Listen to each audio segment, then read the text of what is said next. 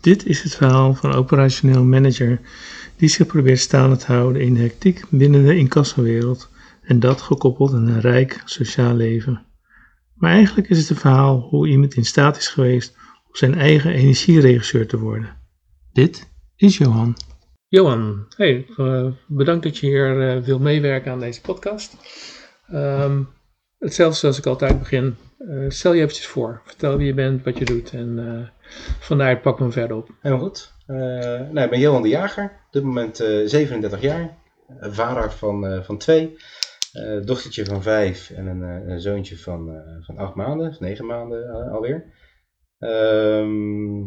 Ik ben samen met mijn, met mijn vriendin, of toekomstige vrouw, in, in Rijswijk.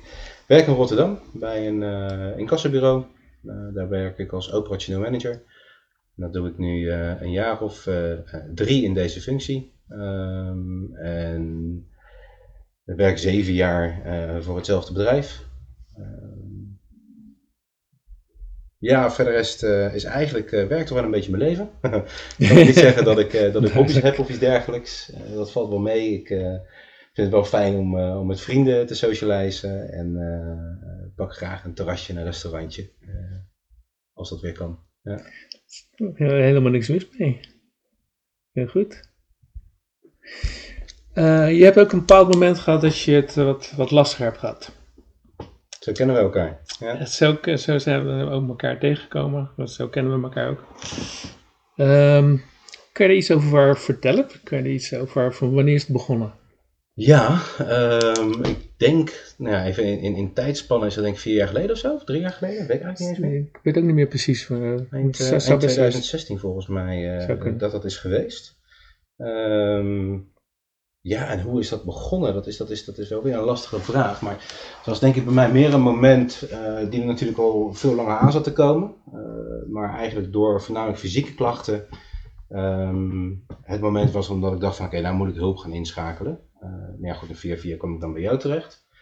En voor mij was dat het moment wat ik nog wel weet, is dat ik op een gegeven moment bij mij op kantoor aan het werk was. En nou ja, goed, eigenlijk steeds meer mentaal met mijn klachten bezig was. En veel minder met wat het werkelijk in de wereld en, en van me gevraagd werd. Mm concentratie had ik niet meer. Denken aan de klachten nam de overhand. Dat deed ik bijna 24 uur per dag.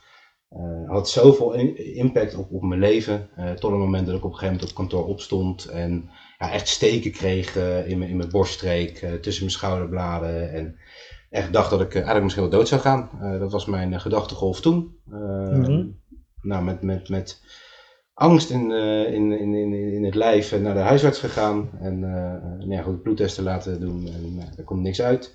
Dus toch maar geaccepteerd, ja, het is waarschijnlijk wat meer en ik moet eens gaan praten met iemand. En ja, zodoende kwam ik eigenlijk bij jou uit, ja.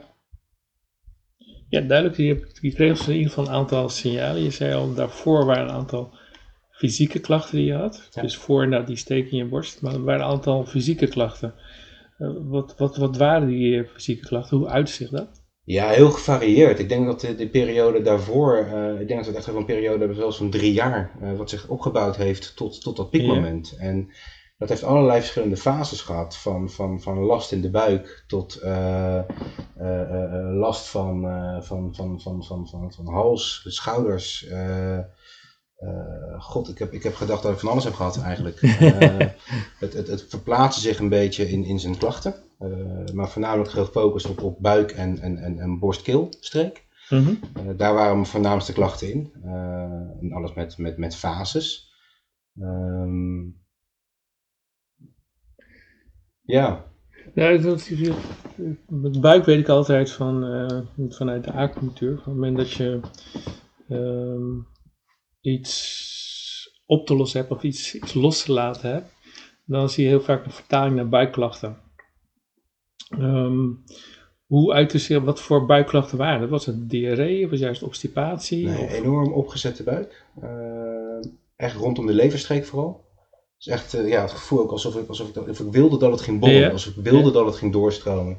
Echt een opgezette, opgezette buik. Uh, dat heeft een vrij lange tijd aangehouden. Um, op een gegeven moment, dat is echt dus rondom, ik weet nog wel dat ik toen altijd met mijn hand op mijn lever liep. Althans, mm. rondom die streek, dat ik daar een soort met van, nou ja, idee had dat er iets, iets, iets, iets dwars zat. Uh, en dat probeer je dan door te stromen en te mhm. wrijven en te doen. Ja, ja, ja, Je voelde het opkomen. Uh, op een gegeven moment gingen die klachten wel steeds hoger. Op een gegeven moment ging het op mijn borst zitten, op mijn schouders zitten. Ehm, en toen had ik door van wacht even, dit is verkramping. dus laat, ik, laat ik mezelf proberen te ontspannen. en ja, dat was, dat was denk ik een jaar voordat ik bij jou terecht kwam. Toen was ik bewust van ja, volgens mij heb ik gewoon echt last van spanning. Voor mij, uh, nee, dat was langer geleden zelfs. Dat was denk ik, god jeetje. Het is, het, is, het is veel langer in tijd. misschien is het wel vijf jaar in plaats van drie jaar wat ik bij jou terecht kwam gaan ontstaan. Ja, precies. En op een gegeven moment had ik wel door dat het een spanning was. en mijn keuze op dat moment was vluchten van het leven wat ik toen had. mijn baan opgezegd, andere baan gezocht. en uiteindelijk, ja, die andere baan is een andere werkgever, maar niet een andere functie. Dus ja, dat mhm. geeft je even nieuwe energie, maar voor de rest verandert er ook niet veel. Dus later kwam het eigenlijk gewoon net weer terug. En nou ja, goed, in, in, de laatste, denk ik, half jaar, laatste fase voordat het echt voor mij zijn piek had. Ja, toen zat het echt op, ja, op, op, op, op, op, op, op, op, ja, hoe moet ik het zeggen? Echt een enorme spanning waarin ik echt pijn, pijnen kreeg tussen mijn schouderbladen, waar ik steken begon te krijgen, uh, waarvan ik echt dacht van, nou, ik krijg hartaanvallen. Uh, mm Zo voelde het, daar heb ik echt gewoon een paar dus maanden... Dus zo hevig was het ook? Ja, ja, ik heb zelfs één keer uh, de huisartsenpost gebeld, omdat ik echt dacht dat ik een hartaanval kreeg. Ja, ja. En dat was heel beangstigend en die, en die angst zorgde weer voor nog meer. Ja, ja. Precies, precies. En, en zette mezelf in een beetje een soort van isolement, want ik durfde er ook niet over te praten. Mm ik sprak niet over mijn klachten met anderen. Ik mm ervaarde het van binnen, ik ervaarde het van mezelf. Uh, ik geloof zelfs dat mijn vriendin, ja, die had echt wel door dat het niet goed ging. oh, zelfs je vriendin vertelde je het niet? Nee, ik was bang. Ja, ik was, ja, ik was op een gegeven moment bang voor mijn klachten. Ik was bang voor misschien wel de dood. Uh, dat, dat deed het met me. Ja, ja, ja. Ja, nou ja, god, dat, ik, ik zat denk ik gewoon de laatste paar maanden alleen maar nog maar met mezelf, met mijn lichaam. Wat voel ik? Wat gebeurt er? Komt mhm. het weer? Uh, oh, daar heb ik het weer. Wat zal het nou zijn? Wat kan ik eraan doen? En, en heel dat, was, dat was de geest. Jezelf. Ja, heel erg gefocust op de klachten. Ja. ja. Wat, wat, heeft je uiteindelijk op een gegeven moment uh, weer de andere kant op uh, laten bewegen?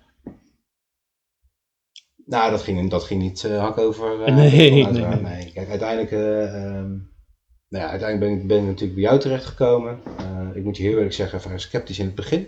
Mhm. Ehm, ik heb via de huisarts al een aantal keren bij psychologen terechtgekomen. Uh, nou, dat werd echt gewoon helemaal niets. Dat, dat, dat, dat deed niks voor me. Sterker nog, het wekte alleen maar irritaties op. Ja. Ehm, dus ik was sceptisch. Uh, van joh, gaat, het, gaat iemand in staat zijn mij te helpen? Ehm, maar ik denk dat het voornaamste verschil voor mij is geweest ten opzichte van... Uh, ik denk dat toch fout zeggen. Kan iemand mij helpen? En je hangt je dus aan op hopelijk kan jij mij helpen. Mhm. En ik Tuurlijk heb je me uh, geholpen, maar voornamelijk wat je gedaan hebt is in laten zien dat het bij mezelf ligt. En dat je jezelf moet helpen. En, en die mindset, uh, dat, dat, dat heeft wel even geduurd. En ik spreek nog regelmatig nog wel eens over die tijd ook met anderen. Ik probeer ook mensen bijvoorbeeld mij in mijn, in mijn werkveld, als ik ervaar dat mensen stress hebben, pas ik bepaalde technieken toe wat mij geholpen heeft ook naar mhm. toe. Precies, precies um, gebruiken dat.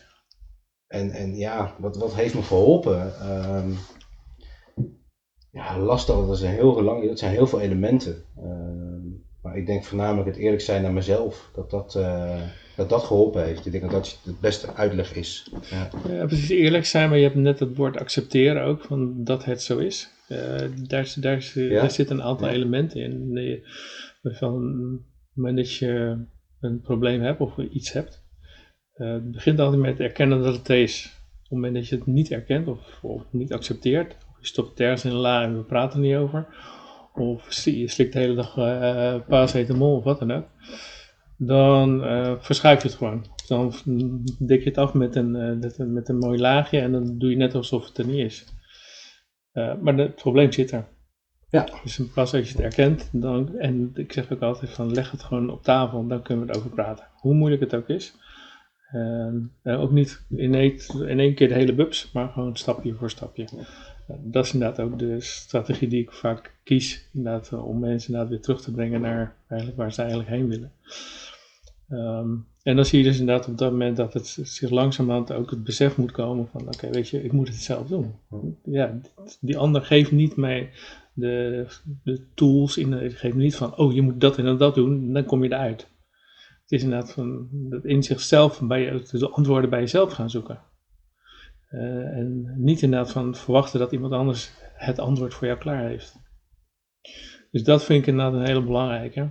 Um, als je kijkt naar de, wat was de impact voor jou, op jouw gezin bijvoorbeeld? Hoe ging je vriendin ermee om? Oh, familie, was, uh, dat, dat, hoe reageerde die? Dat is ook niet leuk.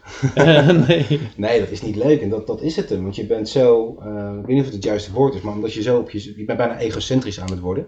Mm -hmm. je bent alles op jezelf aan het doen. Je bent naar jezelf aan het voelen. Wat, wat ervaar ik? Wat, wat, wat, uh, wat voel ik? angst vanuit mm -hmm. wat, er, wat, wat er eventueel speelt in je lichaam. Ehm, niet meer kunnen concentreren, boos zijn op jezelf, op werk niet meer kunnen functioneren, wat weer voor extra frustraties zorgt. En op een gegeven moment, ik had gewoon geen aandacht meer voor thuis. Mm En toen de tijd, toen ik echt, echt op mijn piek zat, had ik een, eh, was mijn dochtertje was twee, anderhalf, twee, tweeënhalf, zo'n beetje in die periode. En, en dat neem je jezelf op een gegeven moment ook kwalijk, want je bent er niet meer voor je dochtertje. En mm ik, denk ook, ik denk dat ik wel eerlijk kan zeggen dat, dat zowel ik, maar ook wel mijn vriendin punt hebben gestaan van, zit er nog wel een toekomst voor ons in? En ook dat gaat aan je knagen. Ik bedoel, eerlijk is dat. Ik bedoel, eh, dat heeft op een gegeven moment ook wel, toen die bewustwording binnenkwam, dat die emotie binnenkwam, heeft me dat ook voor behoorlijke tranen gezorgd. En dat uh, is voor de eerste keer voor mij geloof ik 20 jaar dat ik überhaupt uh, uit mijn ogen kwam. Dus ja, dat is, dat is ook voor je, voor je hele sociale kring is het een, uh, is het een impact. En zeker omdat je er niet over kan of wil praten met anderen. Ja, daar zit ook uh, de, de, het, het, probleem, want heel vaak uh, gaat het ook om begrip. Begrip van, je, van de mensen die om je heen staan. Maar op het moment dat jij je niet uit van wat er nou eigenlijk dwars zit, ja, hoe kunnen ze dan begrip op, op een gegeven moment voor je gaan opbrengen? Ja. Het is een, het is een soort, soort ja, een, schakelsysteem. Ja, het heeft lang geduurd voor mezelf om het ook te kunnen uitleggen wat het dwars zat. Want je zoekt het heel erg bij externe factoren. En het heeft echt wel echt even geduurd voordat ik doorhad dat uh, al het externe wat, waarvan ik dacht dat bij mij uh, van impact was waarom ik me zo voelde, mm ja, weet je, dat, dat was niet zo. En, en dat kan je niet uitleggen. En pas op het moment dat je weet van wat het, wat het is in mijn karakter, want dat is het denk ik, ik denk dat het karaktereigenschappen zijn, want ik ervaar het af en toe echt nog wel, dat ik denk van, oh joh, pas even op. ja. dus het, het, zijn karaktereigenschappen. En ja, ja, pas toen ik dat kon uitleggen, kon ik ook over praten met mensen. Precies ik heb wel op een gegeven moment uh, uitgelegd van joh, als je me wil helpen, dat heb ik niet alleen bij mijn, bij mijn uh, vriendin gedaan, maar ook bij uh, familie en bij vrienden, althans, mijn beste vriend, ook echt gewoon gesmeekt om hulp. -hmm. En wat ik van diegene, ja, wat diegene voor mij zou kunnen doen om me te helpen eruit. Ehm, ja, daar heb ik op een gegeven moment wel op het punt gestaan dat ik wist van oké, dit verwacht ik van mijn vrienden, dit verwacht ik van een relatie, dit verwacht ik van familie.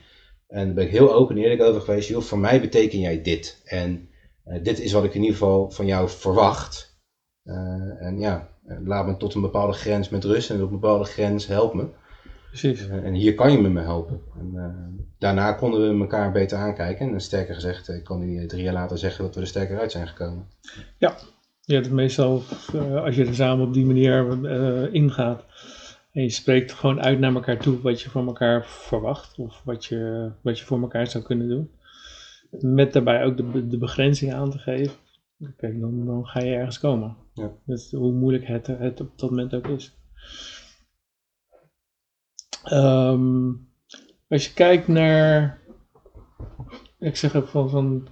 Ik zit altijd te zoeken naar een bepaald kantelmoment kan je zij zo'n moment voor jou kunnen aangeven? Van een moment dat je zegt van, weet je, dat gebeurde, dat was het moment dat ik kantelde. Dat voor mij kantelde. Dat je zegt van, oh, nu ga ik weer een andere kant op. Een kant op die, waar ik heen wil. Ja, nou ja, ik weet niet. Er kunnen ook meer zijn geweest hoor. Wat, ik, wat, ik, wat er heel erg bij mij is bijgebleven, uh, en dat is een verhaal die ik ook regelmatig nog wel eens vertel, eh, dat was tijdens, tijdens het moment dat wij contact hadden met elkaar. En mm dat jij mij hielp. En ik vond het een hele moeilijke periode. En op een gegeven moment, in het begin spraken we elkaar intensiever. En er gingen steeds wat meer ruimtes tussen komen. En op een gegeven moment was er een periode we elkaar een maand of zo tussen de sessies, of twee maanden tussen de ja, sessies ja, ja, ja, En ik wist bij mezelf, ja, ergens gaat het stoppen. Ergens stopt het moment dat, dat ik, dat ik mijn verhaal bij jou kwijt kan. En uh, ik, ik weet nog dat ik hier op een gegeven moment heen kwam, na, na een maand of twee maanden, dat weet ik niet meer. En ik had een hele zware periode achter de rug. En ik had mhm. echt het gevoel dat ik er terug bij af was. Ik zat zwaar in mijn emotie. ik wist weer niet meer waar ik naartoe moest. Ik wist weer de uitweg niet meer. En ik had geen theoretisch kader waar ik me aan vast kon houden. Ehm, en ik weet nog dat ik hierheen ging. En, en, en, en, ik weet niet of jij dat ook nog zo, zo herinnert. Maar ik weet nog dat ik hier binnenkwam en jij begint van, nou, hoe gaat het met je? En volgens mij zei ik op dat moment van, joh, ik weet niet meer waar ik het zoeken moet. Ik ben weer terug bij af. En ik kan met die sessie ook als geen, ja, dat, dat kan ik gewoon naar voren halen als het gisteren was. En ik weet nog wat, wat dingetjes die wij samen gedaan hebben. En ik ging er echt naartoe met, met knikkende knietjes. Omdat ik gewoon echt het, het idee als ik terug af was en helemaal ingestort was. En het gekke is, nou, we hebben toen uh, twee, twee dingetjes gedaan. Um, die mij enorm een eye-opener hebben gegeven. En uh, ja, dat, dat, dat nam ik mee. Um, dat was ook onze laatste sessie, dat wist ik nu toen ik binnenkwam. dus dat, het leek alsof, uh, ja, alsof uh, het zo moest zijn. Ja, ja, maar uh, ik liep naar buiten en um, op dat moment, ja, door de sessie, dat, wij zijn toen met familiebanden bezig geweest en we zijn bezig geweest met dat je mij terug liet lopen in de tijd en daarna weer ja. voorin in de tijd. Ik weet niet hoe dat heet. Levenslijn. Levenslijn. En, en, en, toen kwam er bij mij wat binnen de dag van, oh wacht even, maar dit is waar ik energie uit haal. En um, misschien moet ik mijn, misschien moet ik mijn energie eens gaan steken in dingen die ik leuk vind. En dan wel even kijken welke kant het op gaat. En um, toen de tijd gedaan. En uh, nou, ik ben, ik ben ergens ingetoken in een, in een, in een nou ja, goed ondernemingsplan wat al jaren in mijn hoofd zat. En daar ben ik achteraan gegaan mm. en daar kreeg ik zo enorm veel energie van. En, en ik ben nachten door gaan werken. En, uh, uh, maar ik kom mijn ei kwijt, ik kom mijn creativiteit kwijt. En ik denk dat het voornamelijk het, hetgeen is, want ik ben uiteindelijk niet met dat plan verder gegaan. Maar wat het voor mij heeft gebracht is dat het mijn, mijn bewustwording is geweest dat ik wat, wat ik met mijn energie heb gedaan, is mijn energie gestoken in iets te bereiken wat ik leuk vind. In plaats van mijn energie te steken in het vermijden, om ervoor te zorgen dat het niet gebeurt wat ik niet leuk vind.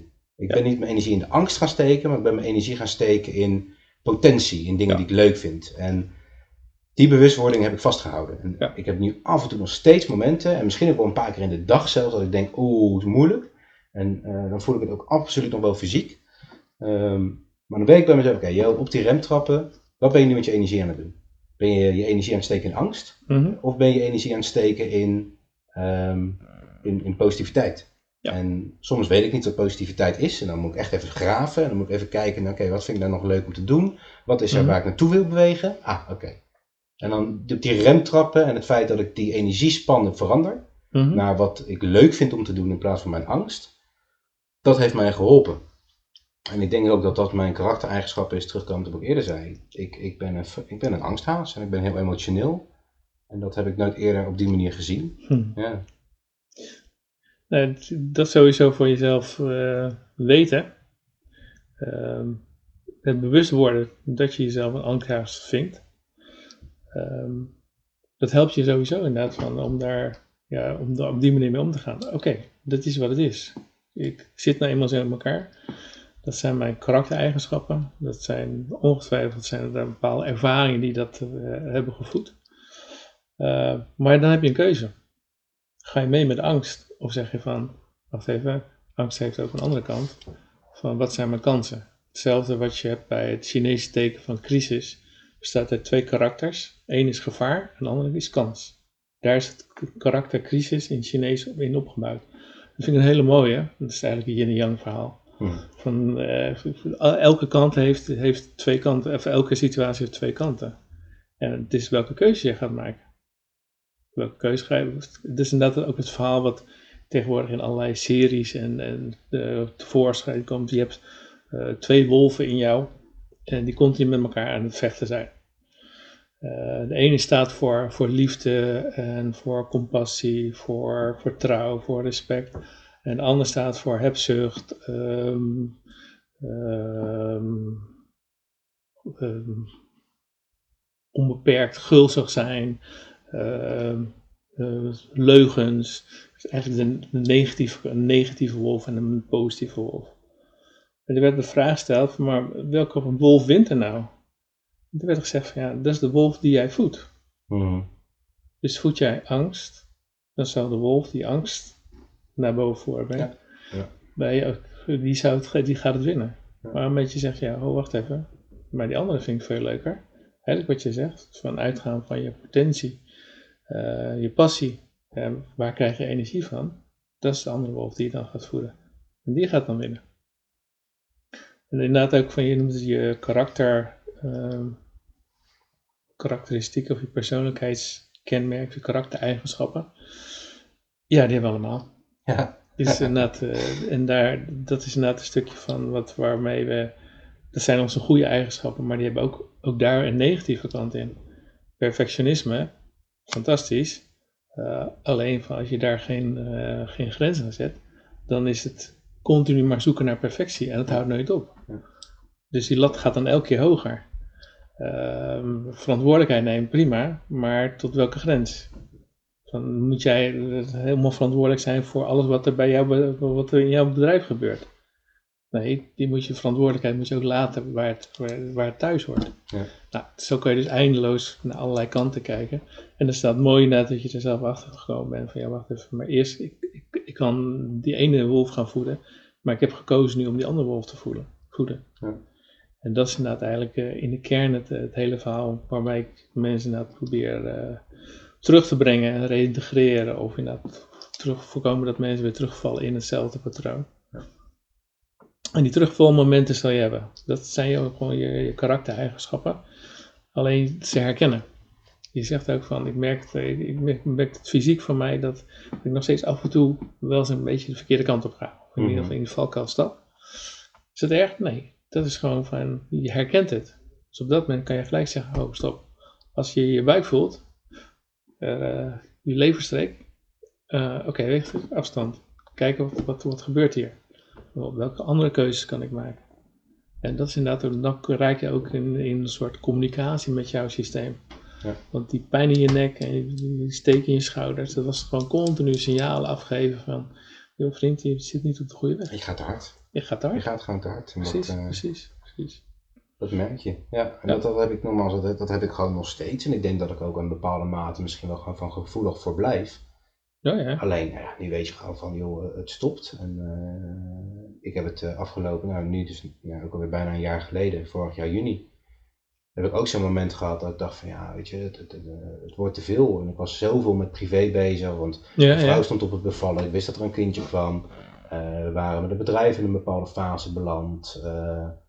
Ik had het gewoon heel erg druk. En toen, ja, ook op dat moment merkte ik aan mijn lichaam dat ik van, ja, ik, ik, ik word kribbig, ik word geïrriteerd, ik ga mhm. afgeven op mensen ja, wacht even, dit is niet wie ik wil zijn. Uh, hoe komt dat? Nou, op de rem getrapt, weet je wat. Uh, ik ga lekker vakantie opnemen. Ik neem lekker een paar weken op. Daarna uh, komt uh, die kleine erbij. Daar ga ik lekker van genieten. Mm -hmm. Het is mooi weer. Dus ik heb lekker twee maanden verlof voor mezelf opgenomen. En even terug bij bezinnen. En, en ja, dan prima. En, en, ja. en, daarna kon ik ook gewoon weer door. En dus, ja, fijn dat je dat nu herkent. Ja. Dat je het aanziet, aanziet komen. Ja. Dat, is precies, dat is precies waar het, waar, het, waar het om gaat. Mooi, mooi verhaal, super verhaal. Mhm. Ook hoe je de, het doorleefd hebt en dat, dat je ook gevoel toelaat. Um, ik sluit altijd af met inderdaad met een, uh, of jij nog een tip hebt voor de, al die miljoenen mensen, of 1,7 miljoen mensen die nog steeds aan het worstelen zijn met, met de burn-out. Jij vanuit jouw ervaring, wat jij meegemaakt hebt, voor hun een tip? Ja, ik, ik denk een beetje wat ik net zei. Eh, voornamelijk is, wees eerlijk gewoon naar jezelf. En um, dat, is, dat, is, dat is heel lastig. uh, maar, maar wees eerlijk. Wees eerlijk ook gewoon naar jezelf. Van, van joh, prop ik, ik dingen nou echt weg of prop ik het niet weg? En uh, wat is de reden waarom ik hier op een bepaalde manier mee omga? En ja, ook voor mij, de, de angst voor, het, uh, voor, voor, voor de lichamelijke klachten. Ik was niet eerlijk naar mezelf, want ik accepteerde niet dat ik het had ik sprak het niet uit. Ik, ik ging in mezelf zitten. Ja, weet je, lieg, je liegt jezelf niet voor. Dus wat je zegt van je hebt aan de ene kant de yin-yang uh, wat angst is. En ik denk, in ieder geval in mijn geval, en ik weet niet of het in alle gevallen is, maar het wordt ergens uit angst gevoed. Angst om je baan kwijt te raken. Angst om mhm. niet goed genoeg te presteren. angst om uh, niet goed genoeg te zijn voor je partner of je, je kind. Of niet goed genoeg te zijn voor je vrienden. Ik denk dat, dat angst de, de drijfveer misschien wel is. Uh, zonder dat je het doorhebt. Mm maar het, dat angst, die angst die slaat misschien wel door op, in liegen.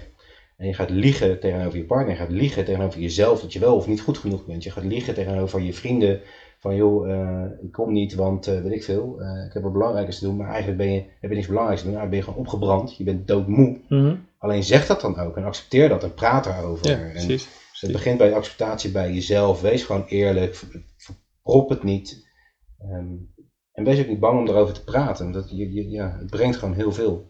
Iedereen is zo, heb ik ervaren. Iedereen, zeker, nou ja, het is denk ik wel geaccepteerd door iedereen. Als je gewoon aangeeft van, joh, ik heb ergens gewoon moeite mee. Ik heb het idee dat het me te veel wordt. Help me. Ja. Uh, of geef het aan. Ja. Het is niet erg. Iedereen accepteert het om je heen.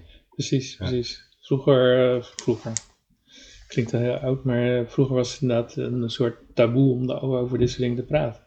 Je mag wel een gebroken been hebben, maar uh, praten dat je het mentaal wat moeilijk hebt, ja. is een beetje een gevoelige kwestie, nog steeds voor, voor een aantal mensen.